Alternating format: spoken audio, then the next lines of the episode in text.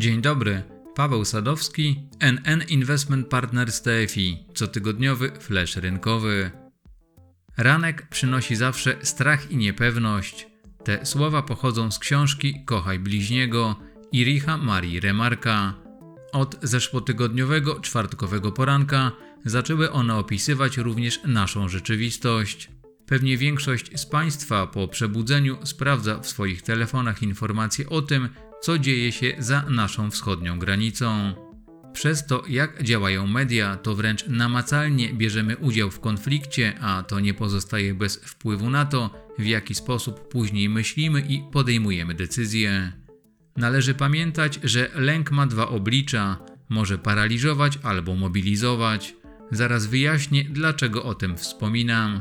W podcaście, który został opublikowany na początku kwietnia 2020 roku, czyli w pierwszych tygodniach po uderzeniu pandemii koronawirusa w światową gospodarkę i rynki finansowe, co też wywołało olbrzymi niepokój, pojawił się następujący cytat: Strach rodzi urojenia, które bywają groźniejsze niż rzeczywistość, a rzeczywistość przestaje być taka groźna, gdy ją się analizuje i jest się przygotowanym na wszelkie konsekwencje.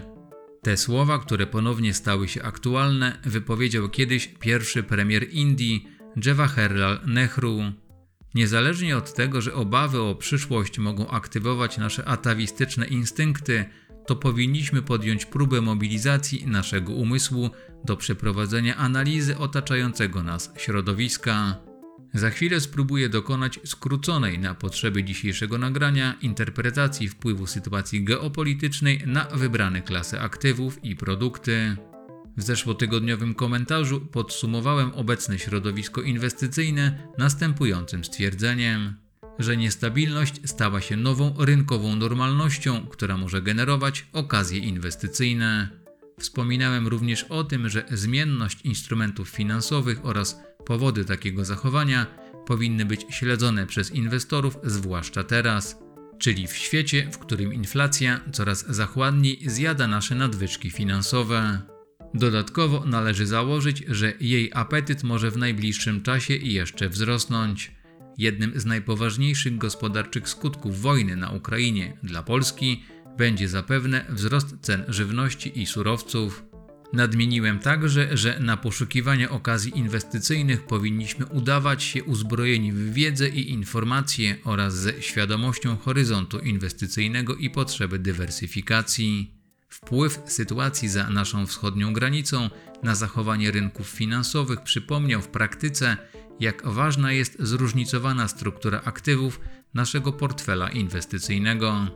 Przechodząc od teorii do praktyki, to warto zastanowić się, gdzie teraz i w jakich aktywach czy produktach możemy takich okazji poszukać. W ostatnim materiale przywoływałem temat surowców, których wyceny wspierane są przez aktualne gospodarcze, finansowe i geopolityczne środowisko. Dodatkowo, ze względu na to, że towary mogą być odwrotnie skorelowane zarówno z obligacjami, jak i akcjami, doświadczamy tego w ostatnich miesiącach, to ta klasa aktywów może również stanowić doskonałe uzupełnienie naszego zdywersyfikowanego koszyka inwestycji. Nic więc dziwnego w tym, że towary na przestrzeni ostatnich 12 miesięcy przyciągają systematycznie uwagę inwestorów. W tym okresie, według stanu na koniec stycznia bieżącego roku, to aktywa funduszy surowcowych urosły o prawie 1,7 miliarda złotych, a ich udział w rynku produktów inwestycyjnych prawie się podwoił. Co nie zmienia faktu, że jest on ciągle niewielki i wynosi jedynie 1,2%. W kontekście konfliktu Rosji z Ukrainą, to wydaje się, że zainteresowanie uczestników rynku tą klasą aktywów czy grupą produktów będzie rosło. Dlaczego? Rosja odpowiada za 10% światowej produkcji ropy, za ponad 25% jej dostaw do Unii Europejskiej oraz za 40% dostaw gazu na stary kontynent. Ponadto jest największym dostawcą węgla energetycznego do Europy, udział powyżej 40%, największym na świecie producentem pszenicy, udział w europejskim rynku wynosi ponad 20%, jest drugim największym dostawcą gotowych wyrobów stalowych do Unii Europejskiej, jest trzecim co do wielkości producentem złota na świecie oraz znaczącym producentem azotu, palladu, niklu i potasu. To wszystko sprawia, że eskalacja konfliktu i wynikające z tego możliwe ograniczenia dostaw tych towarów mogą powodować dalsze wzrosty cen surowców przy równocześnie dużej ich zmienności. W poprzednim fleszu wspominałem, że zaostrzenie ryzyka geopolitycznego nie wpłynęło na zmianę, a wręcz potwierdziło kierunek, w którym podąża mniej więcej od połowy 2020 roku rynek surowców. Produktem z naszej oferty, który posiada ekspozycję na szeroki rynek towarów, jest NN Indeks Surowców. Oczywiście w obecnej sytuacji trudno budować dalsze możliwe scenariusze geopolityczne, jednak z inwestycyjnego punktu widzenia to najstabilniejszą klasą aktywów pozostają obligacje skarbowe lub produkty oparte o te instrumenty. Natomiast w odniesieniu do ryzykownych klas aktywów zyskiwać powinny te, których może brakować na rynku, takich jak wspomniane przed chwilą surowce. Zmieniając teraz segment rynku na obligacje skarbowe, to w takiej sytuacji jak ta, kapitał płynie zazwyczaj w kierunku aktywów i produktów uważanych za bezpieczne. Do tej grupy zaliczane są tradycyjnie obligacje skarbowe, w tym inwestujące w nie fundusze dłużne. Dlaczego?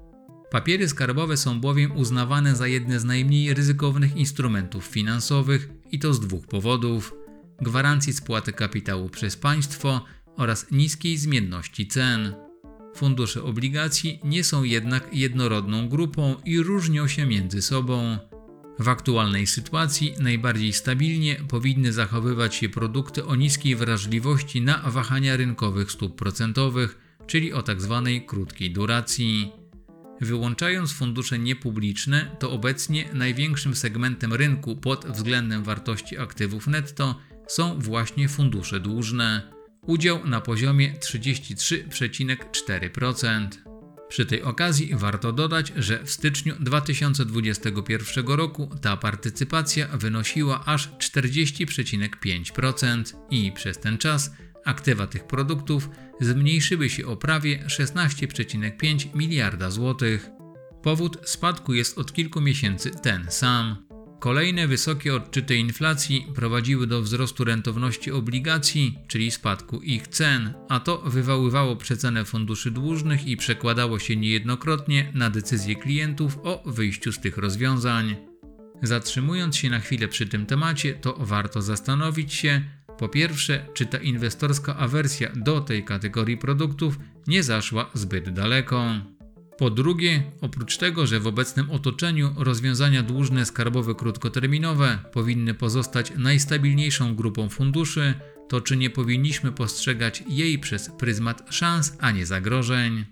Patrząc na wykres 12-miesięcznego salda wpłat i umorzeń do produktów dłużnych, na który zostały nałożone średnie rentowności obligacji, to możemy dojść do wniosku, że mamy do czynienia ze sprzecznością.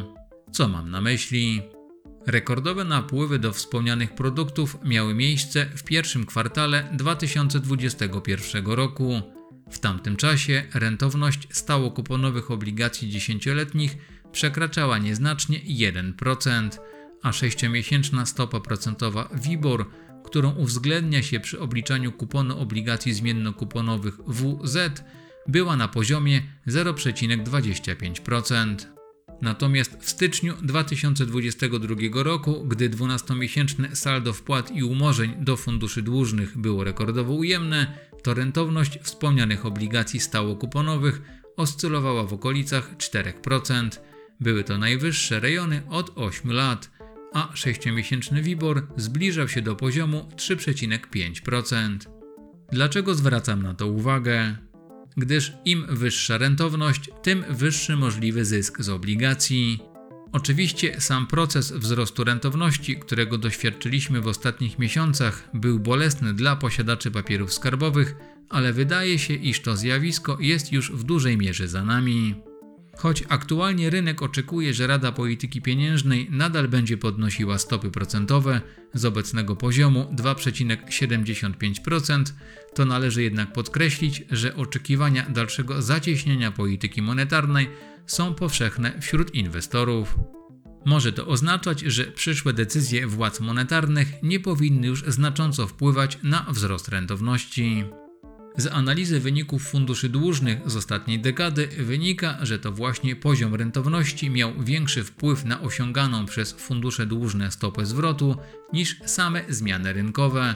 Wyjątkiem były tutaj minione 12 miesięcy, co wynikało głównie z bardzo niskich rentowności na początku 2021 roku.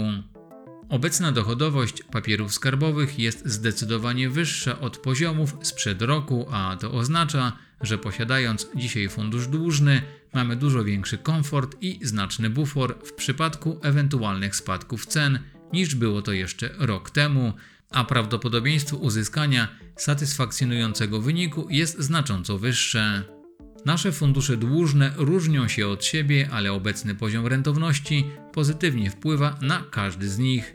Dla przykładu, rentowność portfela produktu po odliczeniu opłat za zarządzanie, który w ramach palety naszych rozwiązań dłużnych jest funduszem o najniższym poziomie ryzyka, a więc i o najniższej potencjalnej stopie zwrotu, przekracza 3%. Mowa o NN konserwatywny. Zakładając więc brak dalszej przeceny na obligacjach w Polsce, można oczekiwać pozytywnej stopy zwrotu z takiej inwestycji w kolejnych kwartałach. Niejako po drugiej stronie skali, pod względem poziomu ryzyka i potencjalnego zysku, znajduje się NN obligacji.